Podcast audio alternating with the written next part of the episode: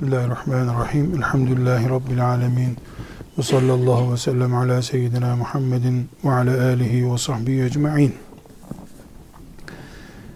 Taharet konularından e, belli meselelerin günümüzde yanlış anlaşılmaya e, uygun dedikodularını önlemek veyahut da daha fıkhi boyutlarını anlamak için birkaç meseleyi yeniden zikredeceğiz.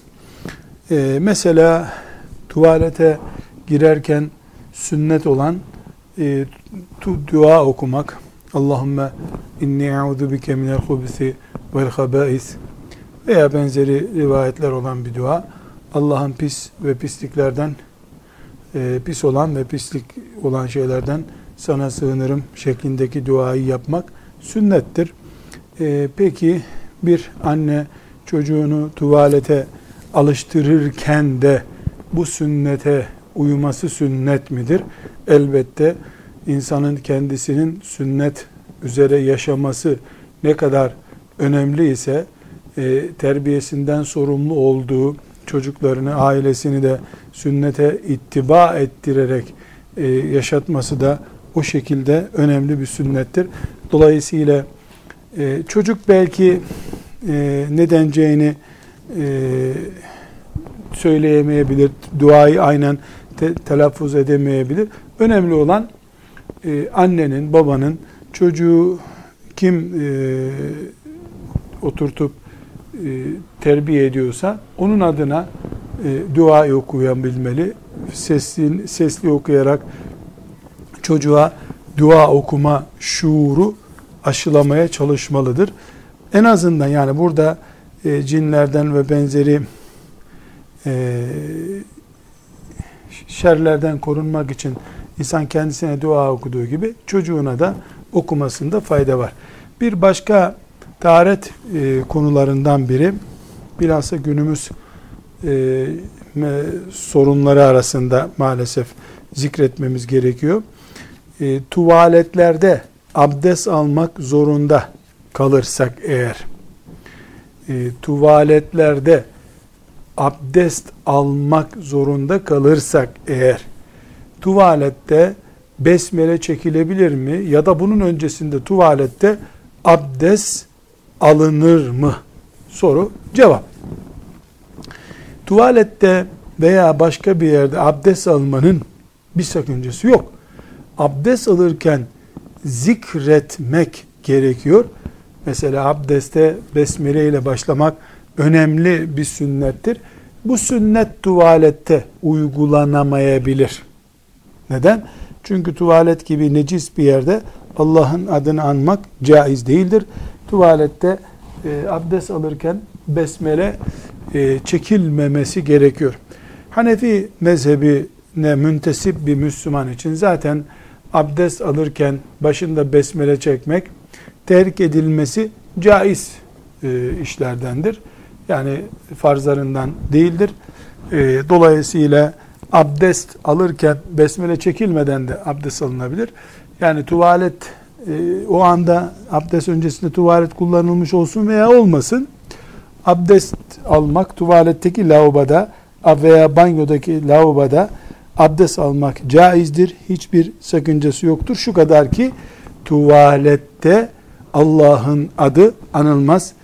E, banyoda da şöyle bir şey var. Banyoda da tuvalet varsa e, o tuvalette de abdest almakta e, sıkıntı olur. Ama banyolar mesela e, duş kabin gibi bir şeyle ayrılmış da işte lavabosu müstakil bir yerdeyse orası tuvalet hükmünde değildir. E, bir başka mesele ayakta erkeklerin tabi özellikle e, ayakta idrar yapmak caiz midir? Yani erkeklerin küçük abdestlerini ayakta bozmaları caiz midir? Ee, bu sorunun cevabına gelelim.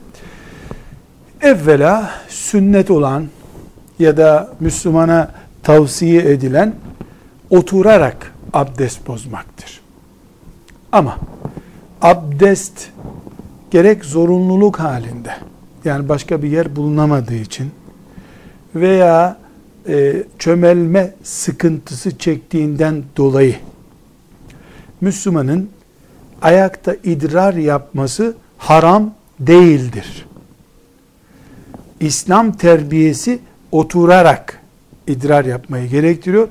Ama ashab-ı kiramdan e, yani Ömer bin Hattab gibi bir şahsın ayakta idrar yaptığı görülmüştür. Bu da Abdurrazak'ın Musannef'inde rivayet edilen hadis-i şeriflerdendir. Ama Kur'an-ı Kerim indikten sonra Resulullah sallallahu aleyhi ve sellemin bilerek veya rahat bir zeminde ayakta bevletmediğine dair rivayetler de var.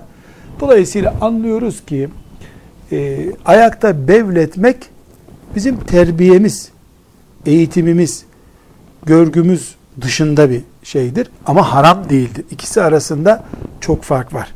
Yani böyle ayakta bevleden zina etmiş gibi bir günah işlemiyor ama biz ayakta bevletmeyiz Müslümanlar olarak. Fakat ikisi arasındaki çizgi nedir? Zaruret halinde. Çömelme sıkıntısı vardır veya e, öbür türlü yer bulamamıştır, acil sıkışmıştır. Ayakta bevletmek bu zorunluluk hallerinde caizdir. Çünkü esas olan esas olan idrar sıçratmamaktır. Yani burada ayakta veya oturarak idrar yapmaktan daha önemli idrardan korunmaktır. Bu temizliği sağlamak çok önemlidir. Bir başka husus yine tuvalet terbiyemizle ilgili. Şimdi eğer evlerimizde alafranga tuvalet varsa, yani tuvaletleri Alaturka ve Alafranka olmak üzere ikiye ayırıyoruz. Bir bu bizim Anadolu'da olduğu gibi yani daha doğrusu eskiden beri biline gelinen tuvalet çeşidi var. Yere çömeliliyor. Bir de kutu gibi bir şey var. Buna alafranka tuvalet deniyor. Ee, onun üstüne oturmak gerekiyor. Bir de Avrupa usulü. Ne yazık ki şimdi e, yaygın tuvalet bunun adı oldu. Yeni yetişen nesil öbür tuvaletleri yani bizim ecdattan göre geldiğimiz tuvaletleri e, köy tuvaleti işte temiz ay çok kötü şeklinde böyle ayıplayarak algılıyorlar. Evlerde onu uygun bulmuyorlar. Burada bu iki tuvaletten hangisi sünnettir, hangisi mekruhtur e, sözünden önce e, bir şeyi tespit etmemiz lazım. Tuvalet deyince asıl sorun necasetten arınmaktır ve iyi bir e, def-i hacet yapmaktır. Asıl kural budur. Binaenaleyh eğer Müslüman alafranga bir tuvalette temiz olduğuna ve defi hacetini yaptıktan sonra üzerine necaset bulaşmadığına kani ise tuvaletin alafranka, alatürke olması çok bir şey değiştirmez. Çünkü kural bizde defi haceti necasetten temizlenmiş olarak bitirmektir. Çamaşır dahil üstün başın kirlenmemesidir. E, biz e, Alaturka denen yani e, dedelerimizden gördüğümüz tuvalet çeşidinde bunun daha rahat olduğunu, daha temiz olduğunu düşünüyoruz. Temizliğin daha kolay yapıldığını düşünüyoruz. Öbüründe bilhassa kalabalıkların kullandığı tuvaletler olduğu zaman e, yani kalp mutmainliği sorunu ortaya çıkıyor en azından. Fakat e, yaşlılar için, hastalar için, e, ayak e, çömelme sıkıntısı olanlar için bu bir zaruret olduğu da olabiliyor. Evlerimizde zaruret adına bulunabilir ama e, dediğimiz gibi gerçekten temizlik yaptırıyor mu? E, ne kadar temiz oluyor bu? Necasetten ne kadar arınılıyor? Herhalde bunu herkes kalbi ile karar vermeli. Kalbi ile karar vermeli. Fakat bu her ne kadar Alaturka ve Alafranka yani Türkler usulüne Frans, Fransızlar usulüne diyebileceğimiz şekilde ikiye ayrılıyorsa yani biri Avrupa kültürünü biri de e, Türk kültürünü yansıtıyorsa da biz e, kimi neyi yansıttığından daha ziyade e, temizliğimizi ne kadar burada yaptığımıza bakmak zorundayız. Esas olan bizim için temizliktir. Temizlik ve defi haceti yapmaktır. Bu elbette bir tür e, kültür emperyalizmi çeşidi de olabilir. E, binalar daraldı artık e, bir kutu bütün e, evin ihtiyacını karşılıyor şeklinde bir anlayış da olabilir. Yani daha az metrekareli bir yerde daha az koku e, yayılıyor gibi sebepler olabilir ama biz e, bunu tercih etmeyiz. Fakat haramdır demek için de elimizde belge yoktur. Çünkü haram olan tuvalete şu şekil bu şekil çömelmek değildir. Necasetten temizlenememektir. Haram olan budur. Bir başka meselemiz yine taharetle ilgili istinca yani gerek e, büyük abdestte ve gerekse küçük abdestte dışarı çıkan e, necasetten temizlenme suyla, bezle, mendille neyle yapıyorsak artık bunun ölçüsü ne kadar? Ne kadar? Yani bu belli bir limit e, mesela 3 dakika yapınca mı temiz oluyor? E, yahut da şu kadar su akıtınca mı temiz oluyor? Cevap. Biz gerek küçük abdestten sonra ve gerekse büyük abdestten sonra o bölgenin kirlenmesinden ve yeni akıntıdan, çıkıntıdan korunmaya istinca diyoruz. Akıntı devam ederken bir teneke su dökülmüş olsa, hortumla temizlik yapılmış olsa bunun adı temizlik değil, su israfıdır. Çünkü önemli olan akıntıyla ve çıkıntıyla çevrenin yani organların kirlenmesini temizlemektir. Yeni akıntının olup olmadığını kontrol etmektir veya temin etmektir. Bu sağlandıktan sonra bir dakikada da olur, on dakikada da olur. Önemli olan prensibi temin etmek. Ee, burada vesvese çok önemli bir sorun. Yani acaba acaba diye devam eden vesvese caiz değildir. Sırf bu yüzden fukaha Allah onlara rahmet eylesin. Diyorlar ki çok önemli bir ölçü bu. Şimdi Müslüman mesela küçük abdestinden iki türlü arınması lazım. Bir, istibra yapması lazım. Yani bittiğini, artık sızıntı gelmediğini anlaması lazım. Bir. iki o bölgeyi temizlemesi lazım. Mendille olur, suyla olur. Ama genelde mendille temizledi diyelim. Şimdi e, hüküm bu, kural bu.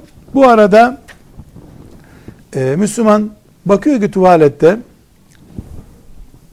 bu kalktığı zaman muhakkak damladı diye bir vesvese geliyor. Ne yapıyor fukaha? Diyor ki bu adamın e, bu vesvesesini önlemek için idrardan kalkmadan önce organını bol suyla yıkar. Ve bunu kurulamaz. Kurulamasın.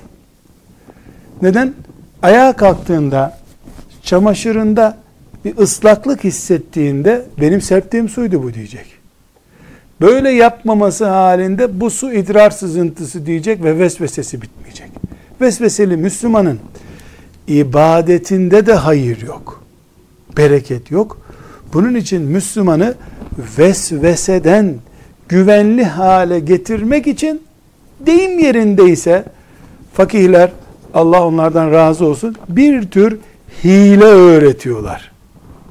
Ne hilesi öğretiyorlar? Yap böyle vesveseden kurtul diyorlar. Tekrar bu örneği veriyorum. Mesele ne kadar ciddi onu anlamamıza yardım etsin diye. Bir şekilde vesvese olacaksa eğer mesela kalkınca sızdı, taştı gibi düşünüyorsa eğer çamaşırını bir takım ıslatsın, e, organını gerekiyorsa ıslatsın, böylece vesvesenin yolunu kapatsın diyorlar. Meseleye ne kadar ciddi bakıldığını gösteren bir örnek bu. Çünkü vesvese sadece namazda sorun değil.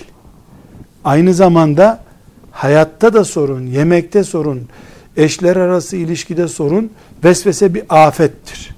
Bu afete karşı fukaha böyle bir tedbir tavsiye etmişlerdir. Allah onlardan razı olsun.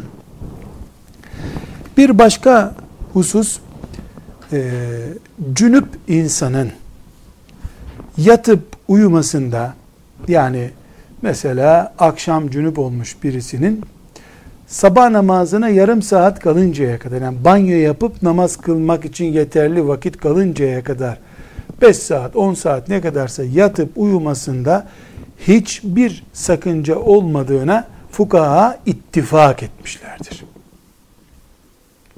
Zaten aybaşı ve lohusa kadın için zaten bir sorun yok. Erkek için de veya kadının cünüp olması halinde de hemen banyo yapmak diye bir şart yoktur. Hemen banyo şartı yoktur. Evet, banyo yapıp temizlenip e, o şekilde yatmak daha edebe uygun, sünnete daha uygundur ama farz değildir. Fakat tavsiye edilen şudur. Eğer mesela akşam 10 saat bir daha banyoya 10 saat var diye yatacaksa şöyle bir namaz abdesti gibi abdest alınsa iyi olur denmiştir. Aynı şekilde cünüp birisinin yemek yemesi, e, su içmesi, yemek yiyenlerin sofrasına oturması, yemek pişirmesi, domates soyması, ekmek kesmesi gibi şeyler hiçbir şekilde sakıncalı değildir. Ki, e, fukahanın e, bu şekilde bir farz kayıtları yoktur. Sadece e, ellerini yıkamasını tavsiye etmişlerdir. Cünübün eli ihtimalen e, necasete değmiş, kirlenmiş olur diye. Bu zaten e, normal edebimiz dahilindedir. E, cünüp insanın yemek yemesinde bir sakınca yoktur. Bunu şeriatımızın en temel prensiplerinden biri olarak zihnimize yazmış olalım. Bir başka mesele hayızlı kadının e, kuralı kuralları arasında zikretmiştik. Hayızlı kadın veya lohusa kadın bedeni temizdir. Bedeniyle ilgili bir kirlilik asla söz konusu değildir demiştik. Cünüp de temizdir. Üzerindeki kirlilik manevi kirliliktir. Yani mesela cünübün e, gusül abdesti alana kadar değdiği şeyi yıkamak gerekmiyor. Böyle bir kural yok. E, cünüp mesela terledi, teri pis değil. E, cünüp e, bir bardaktan su içti, o bardak e, artan suyu pis su değil. Cünüp insandaki kirlilik manevi kirliliktir. Manevi kirlilik ne demek? Yani elle tutulur, gözle görülür bir necaset değil ortadaki. Ee, Müslümanın hükmen böyle olduğunu kabul ettiği bir kirliliktir bu. Şimdi teyemmüm bölümünden bir e, meseleyi e, görüşmemiz lazım. E, bir teyemmüm zorunluluğu düşünelim. Müslüman teyemmüm alması halinde namazın vaktini kurtaracak. Ama abdest seçeneğini kullanması halinde namaz vakti geçiyor. Tabi su yokluğundan konuşmuyoruz. Su yoksa zaten ortada mesele yok. Su var. Fakat mesela şöyle düşünelim. Su için lavaboya inmesi lazım. Yahut da motoru çalıştırıp su çekmesi lazım. 5 dakikada namazın vaktinin çıkmasına var. Abdest almakla uğraşırken o namazın vakti çıkacak. Veyahut da mesela ayakkabılarını, botlarını çıkarırken, üzerindeki kazakları çıkarırken e, veyahut da başındaki e, sarığı çözerken vakit geçecek. Yani 3 dakika 4 dakika var. Vakit çıktı çıkıyor. E, hemen orada bir teyemmüm yapabileceği bir şey üzerine tak tak ellerini vurup yapması yarım dakika sürecek. Abdest bilemedin 2 dakika sürecek. E, o 2 dakikalık zaman onun namazı kaçırmasına sebep olduğunu düşünelim. Bunu gusül içinde düşünebiliriz. Lakin tekrar inceltiyoruz meseleyi. Sorun su bulamama sorunuysa ortada böyle bir mesele yok. Sorunumuz bizim su bulamama sorunu değil. Suyu kullanacak kadar vaktimiz yok. Ne yapacağız? Cevap abdestle uğraşacağız. Teyemmüm hakkımız yok. Çünkü teyemmüm kimin hakkıdır? Su bulamayanın veya suyu kullanamayanın. iki kişinin hakkıdır. Suyu kullanmaya vakti olmayan diye bir hak yoktur teyemmümde. Cumhuru ulemanın e, görüşü bu şekildedir. Burada e, tek münferit bir görüşte varsa da amel edilen bir görüş değildir.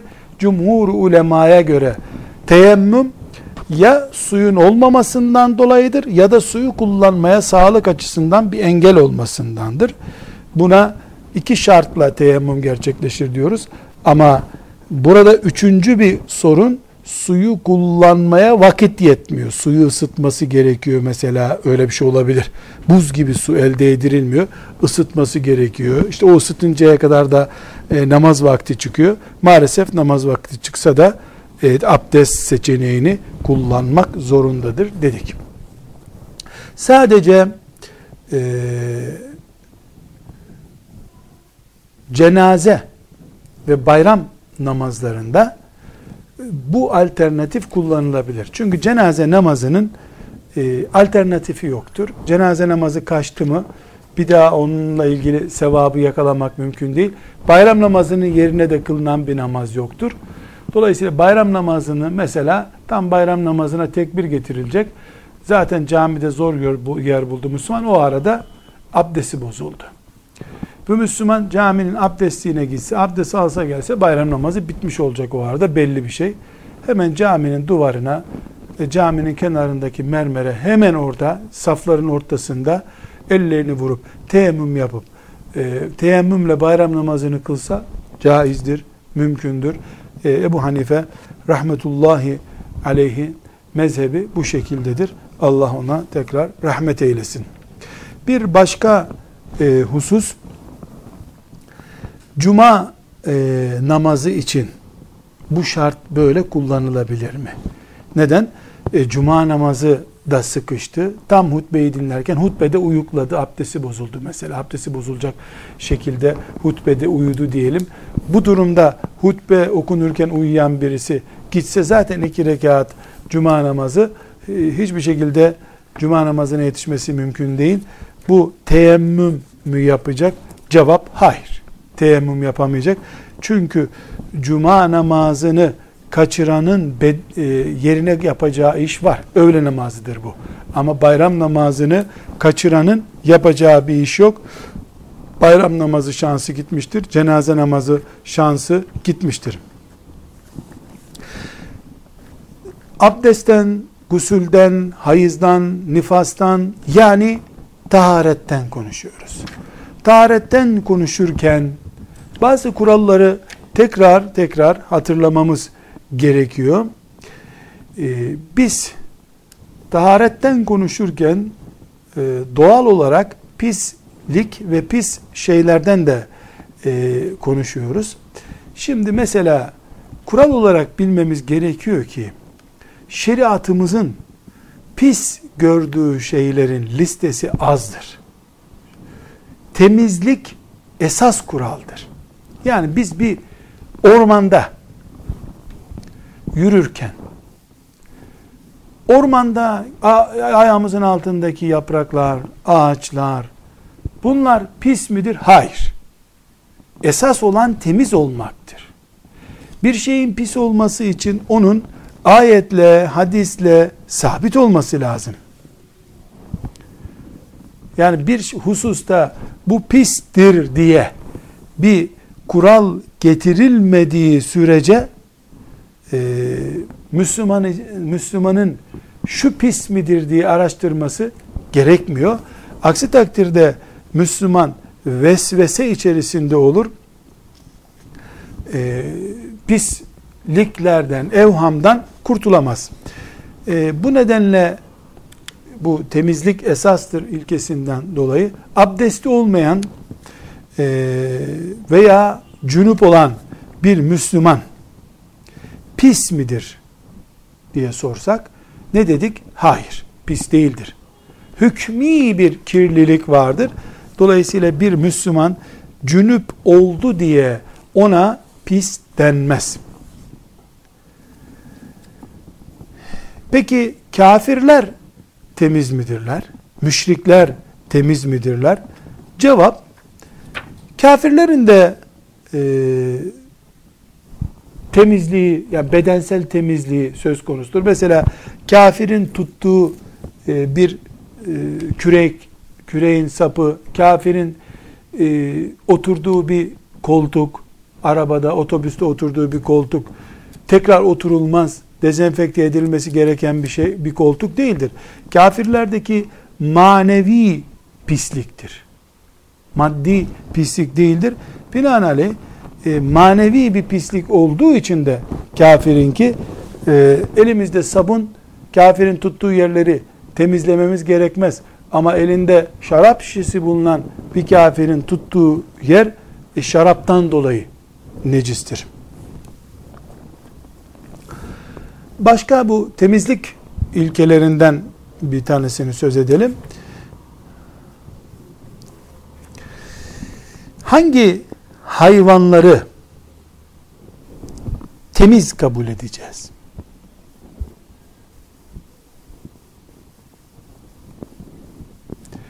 Cevap eti yenen hayvan temizdir. Ancak öldüğü zaman hayvan öldüğü zaman ne kastediyoruz? Besmele ile kesilmenin dışında kayadan düştü öldü ya da gittik ahırda hayvanı bulduk ölü.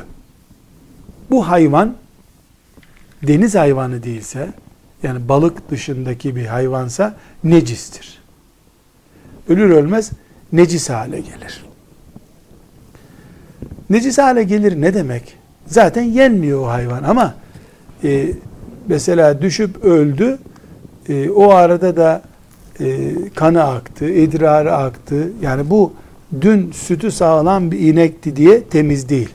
Eti yenen hayvan yaşarken temiz, e, kendiliğinden besmelesiz kesilmeden öldüğü zamansa necistir. Bir başka kural eti yenen hayvan da olsa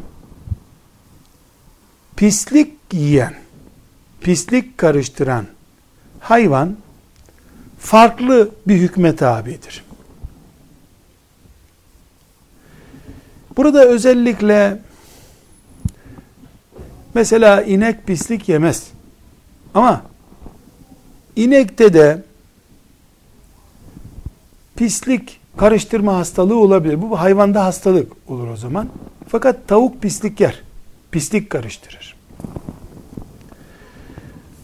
Böyle pislik yiyen hayvan, mesela tavuk pislik yiyorsa eğer, bu hayvanın etinin yenmesi caiz midir? Cevap olarak bu konuda fukahanın farklı e, görüşleri var ama ortalama cevabı bizim Hanefi mezhebinde e, tercih ettiğimiz cevap bu tür hayvanların etinin yenmesi haram demiyoruz. Eğer insan sağlığı ile ilgili bir sorun varsa ortada, O zaman diyoruz ki bu sağlık sorunu nedeniyle bu hayvanların mesela tavuğun ne kadar da vücudundan bu pislik, hayvan pisliği, yediği necaset atılabiliyorsa o kadar hapsedilmesi, temiz yiyecek yedirilmesi. Mesela kümesine kapatılır. Hayvan dışarıda pislik karıştırmaz. Ee, daha doğrusu yani tecrübeyle de hayvan besleyenler bunu bilirler. Mesela 5 gün hapsedilmesi halinde tavuktan bu koku gidiyor. Ama kaz, ördekten 10 gün hapsedilmesi lazım ki vücudundaki bu koku yani pislik kokusu gitsin diyorlarsa mesela o kadar hapsetmek e, esas olan şeriatın inceliklerine daha yakın bir hükümdür denmiştir. Yani özellikle en azından karnındaki necasetin, pisliğin git, gideceği kadar bir zaman beklemek hele hele e, özellikle uygundur. Hükmü tekrar özetleyeyim. Hayvanlar eğer necaset, pislik e, yiyorlar, karıştırıyorlarsa hemen kesilip yenmelerinde kerahet var en azından. E, ama eğer e, böyle bir e, zaruret yoksa, hemen kesip yenmesi gerekmiyorsa, en azından midesi boşalıncaya kadar bir gün, iki gün başka yiyecekler yedirilip hayvanın içinin, iç organlarının temizlenmesini beklemek gerekmektedir demiştir fukahamız. Burada köpekle ilgili hayvanlardan söz edince köpekle ilgili bir parantez açmamız ya da yeni bir sayfa açmamızda fayda var. Köpek olduğu gibi necis hayvandır. Pistir. Bu pisliğe salyası, kılları, her şeyi dahildir. Hikmet-i ilahi Allahu Teala e, köpeği insana çok yakın yarattı. Yani hayvana neredeyse insan e, insan muamelesi yapası geliyor bakanın. İnsan gibi yakın. Böyle bazı köpek çeşitleri e, insanla konuşacak kadar böyle duygusal oluyor, yaklaşıyor ama hiçbir şey Allah'ın şeriatının hükmünü değiştirmez. E, her ne kadar fukahadan tek tük e, köpeğin bizzat kendisi yani köpeğin mesela elini tuttun derisine sırf derisine tuttun okşadığın köpeği diye elin necasete tutmuş gibi değildir e, diye Ebu Hanife rahmetullahi aleyhten nakledilen bir görüş varsa da ama asıl olan fukahanın cumhurunun görüşü ve hadisi şeriflerin desteklediği görüş e, köpeğin olduğu gibi necis olduğu şeklindedir. Aynı şey e, domuz için e, çok daha katı kurallarla vardı. Yani domuzun e, derisinin de tabaklanarak temizlenmesi bile mümkün değildir. Domuz olduğu gibi e, necis bir hayvandır. Burada bu konulara girilmişken e, açılabilecek bir konu da küçük çocukların henüz anne sütünden başka e, bir emzik emmemiş yani bir bebek maması yememiş dış mama yememiş çocukların çocukla e, kız olsun erkek olsun idrarları e, temiz midir değil midir diye bir konu açabiliriz. Zira bazı e, Hanbelilerin ve Zahiri mezhebinin e, nakillerinde e, çocuk eğer sadece anne sütü emiyorsa e, onun idrarı idrarı sadece necis değildir dendi ise de böyle bir şey kitaplarda görülüyorsa da e, cumhuru ulemanın e, ittifak ettiği görüş insan cinsinin çocuk olsun e, büyük olsun idrarı e, temiz değildir. Buna e, büyük insanın küçük insanın ayrımını yapmıyoruz. Gerek küçük abdest gerekse e, büyük abdest hepsi bu pislik kuralına dahildir. E, hayvanın bevli de necistir. Şu kadar ki eti yenen hayvanların e, dış kılarında yani kaba pisliklerinden sakınmak mümkün olmadığı için o e, insan pisliği gibi kabul edilmemiş biraz daha hafif e, tutulmuş olabilir. E, ama e, en ideali büyük abdest veya küçük abdestin her çeşidinden sakınmaktır. Böylece e, iftira e, etmeden veya kendisini insan vebale sokmadan yani fukahayı da sıkıntıya sokmadan kurtulabilir. Fakat bakıyoruz ki e, fukaha hayvan besicilerine bir ruhsat gibi bir kapı açmışlardır. Hayvan besicisinin üzerinden bu sıkıntının gitmesi mümkün olmadığına göre Allah onlara belli bir ruhsat tanıyor demektir. Aynı şekilde insanın e, yani bilhassa erkeklerin e, bedeninden gelen e, meni gibi sıvılar içinde necis olduklarını söylemiştik. Bu da bir kural olarak hepimizin de e, vardır. Burada kadınlardan gelen e, kadınlık organlarından gelen idrar, meni, kan dışında kadın rutubeti diyebileceğimiz yani kadınlık organındaki rutubetin hükmü nedir? Ee, bunu tıp e, uzmanları bunu burundan gelen sümük, gözden akan yaş e, veya alında biriken ter gibi görüyorlar. Yani meni, idrar veya aybaşı kanı gibi e, sıvı değildir diyorlar.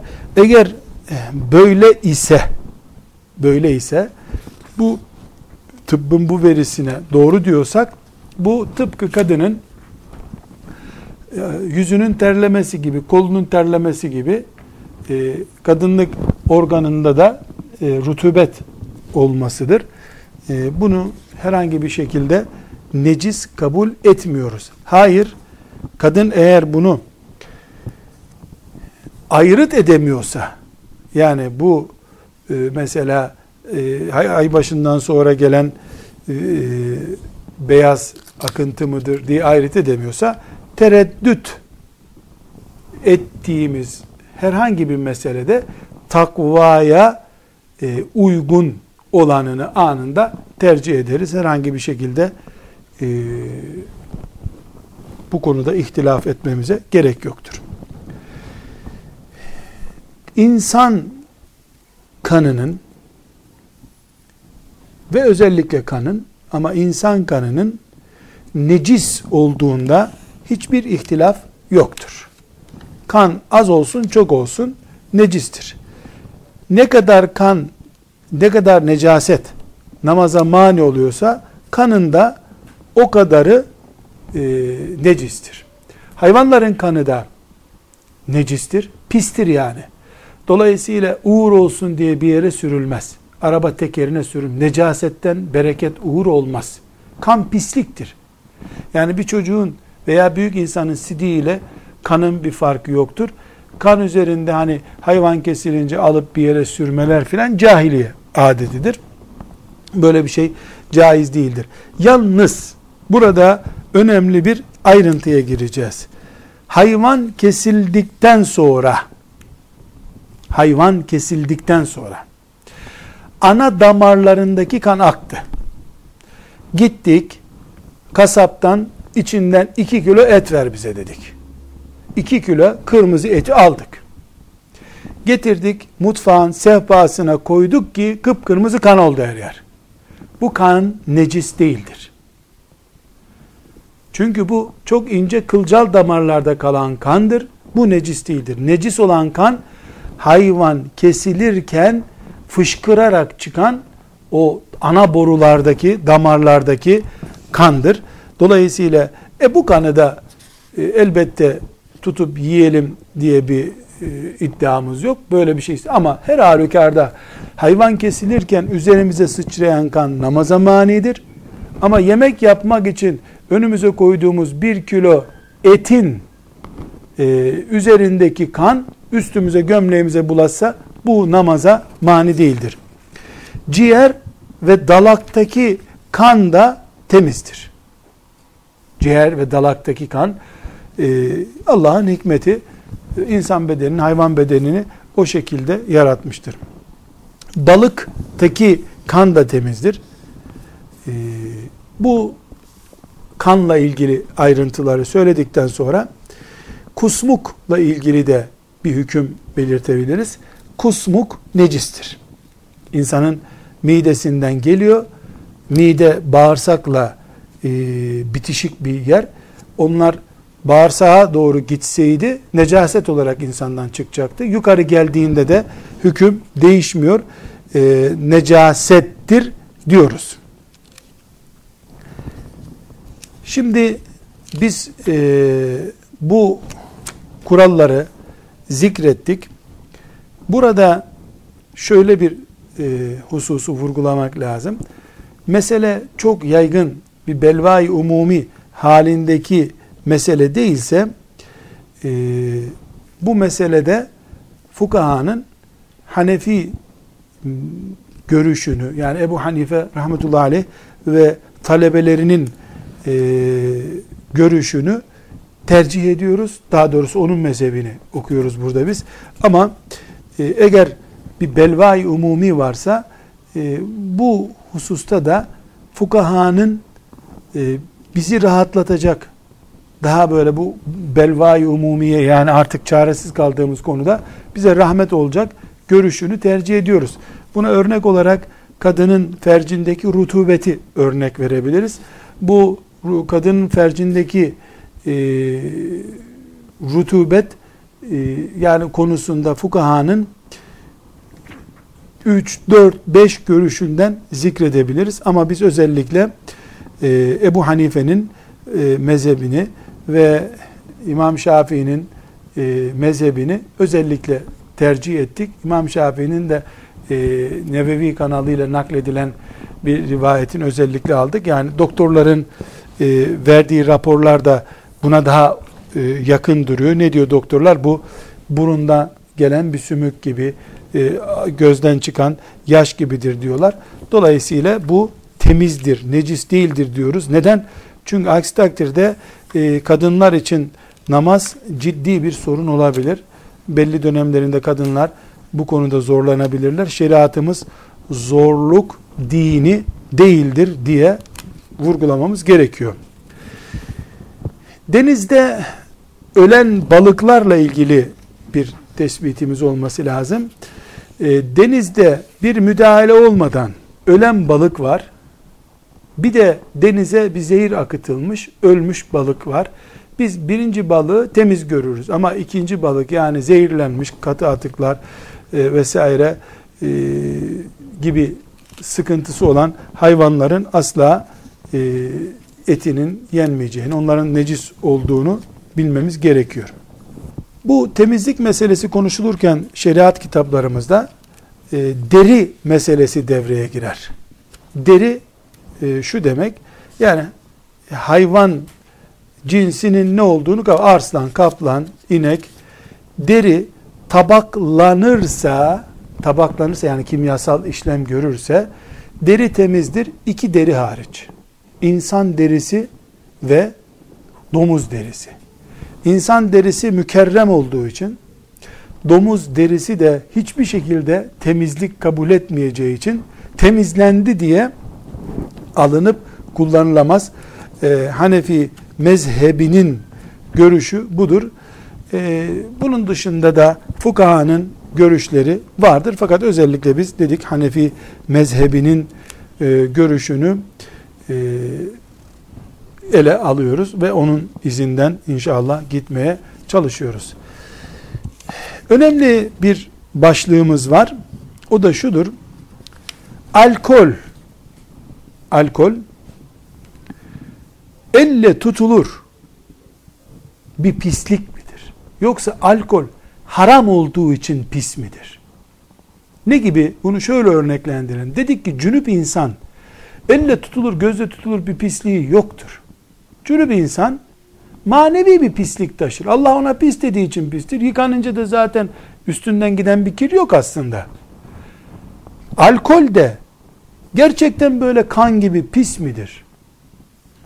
Cevap, e, dört mezhep imamının e, görüşü, alkolün, yani alko, şeriatın alkol dediği şeyin kan gibi pis olduğu şeklindedir.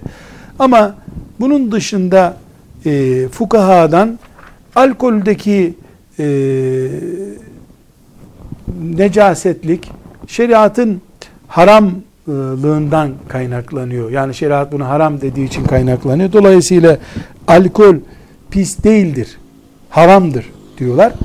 E, böyle diyen görüş de var ve bunların görüşü de çok yabana atılır bir görüş değil. Bu nerede bize lazım olacak? Bu bize kolonyada mesela lazım olacak. Mesela parfümde lazım olacak. Çünkü kolonyada e, parfümde e, özellikle e, alkol kullanılıyor. Alkolle bunlar üretiliyor. Eğer e, alkol e, pis hükmündeyse o zaman kolonya, parfüm gibi şeyler necis hükmündedirler. E, onların elimize dökülmesi, çamaşırımıza değmesi halinde e, acilen e, temizlemeden namaza dönmememiz gerekiyor. E, biz ne hüküm vereceğiz? Bir defa zaruret olmayanlarını tartışma konusu yapmamamız lazım bizim. Neden? Yani bu bize hayati bir bağlantısı yok bunun. Bunda da ufak bir tereddüt varsa, bu kültürde bize ait e, kültür değilse, biz e, niye diretelim de acaba e, kolonya caiz midir diyelim ama şunu da bilmemizde fayda var. Muasır ulema alkolün e, kolonyadaki şeklini, e, parfümlerdeki şeklini böyle kan gibi necis görmüyorlar. Bu, bu şekilde necis gören fukahada var. Bu konuda direten, e, kendine göre delillerini getiren de var. El hak yabana atılır şey de söylemiyor. Ama özellikle e, daha bu kolonyayı mesela kullanılabilir gören de var. Kültür olarak buna yanaşmamak lazım. Ama kolonyadaki alkol necis değildir diyen görüşte bir fıkıh görüşüdür. Bir başlık daha açalım. Şimdi e, biz dedik ki şeriatımız dayanabileceğimiz kadar bize e, emirler vermektedir. Kaldıramayacağımız şeyleri Allah kimseye emretmedi, bize de emretmedi. Necaset yüzde yüz uzak durulabilir bir şey midir? Hayır. Asla hayır. Yağmurdan, e, mesela tuvaletteki necaset sıçrama yoluyla terliği çıkarıp bastığın yere gelir. Oradan ayakla basılır, evin halısına basılır. Evin halısından mutfağa gelir, yatak odasına gider. Ama bu kadar incetmek yasak. Çünkü böyle mikroskopla incelememiz halinde temizlik dünyada mümkün değil. Bu vesvesedir, evhamdır, caiz değildir bu. Aksi takdirde hanımların ömrü ellerinde çamaşır suyu, sünger, secde gibi devamlı halıların üzerinde geçmesi lazım. Bu zorluktur, şeriatta zorluk yoktur. Şeriatta zorluk yoktur. Şimdi ne kural koyacağız? Fukahanın çeşitli e, simgeleri var. Yani şu kadar olsun, e, bu kadar olsun e, diye bir kural koyuyorlar. Biz diyoruz ki Hanefi mezhebindeki e, ölçü bir galiz, çok ağır pislik var. İnsan dışkısı, eti yenmeyen hayvanın dışkısı bunlar ağır insan idrarı, ağır pislik bunlar. Bunlar da işte 3 grama kadar ağırlık olarak, donaj olarak veyahut da şöyle avuç içi kadar bir yeri ıslatacak kadar olan şey diyoruz. Hafif pisliklere gelince toz, toprak, işte balkonda biriken, halıda renk olarak biriken bunlar da artık göze çirkin görünecek. Yani üstüne basılmaz hale gelecek durumdaysa şeriata göre buna pistir denmiş. Bir başka hususla bu necaset konusunu da e, bitirelim. Şimdi bir şey kirlendi. E, mesela çamaşır kirlendi. E, idrarla kirlendi veya e, büyük abdestle kirlendi. Yıkadık. Üç defa yıkadık, kuruttuk. Hala idrarın rengi orada gitmedi. Kandı, kanın rengi gitmedi. Veya koku kaldı. Koklanınca necis bir e, koku olduğu anlaşılıyor. Bu bizim için e, temiz değil.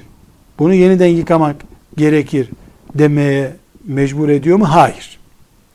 Necaset gitti. Ve üç defa biz onu güzel, mesela modern çamaşır makineleri şimdi üç defa yıkıyor. Biz bunu güzel yıkadık. Bir daha filan çamaşır suyunu getirip bu renk ve koku gidinceye kadar yıkamak yok. Şeriat böyle zorluk dini değil. Necasetin kendisi gidince rengi çamaşırın e, boyasını bozmuştur. E, asitli sudur. Asitli sudan dolayı çamaşır bozulmuştur. Yani bunu yeniden renk verinceye kadar temizlemek evhamdır, vesvesedir. Buna da gerek yoktur. Ve sallallahu ve sellem ala seyyidina Muhammed ve ala alihi ve sahbihi ecma'in. Elhamdülillahi Rabbil alemin.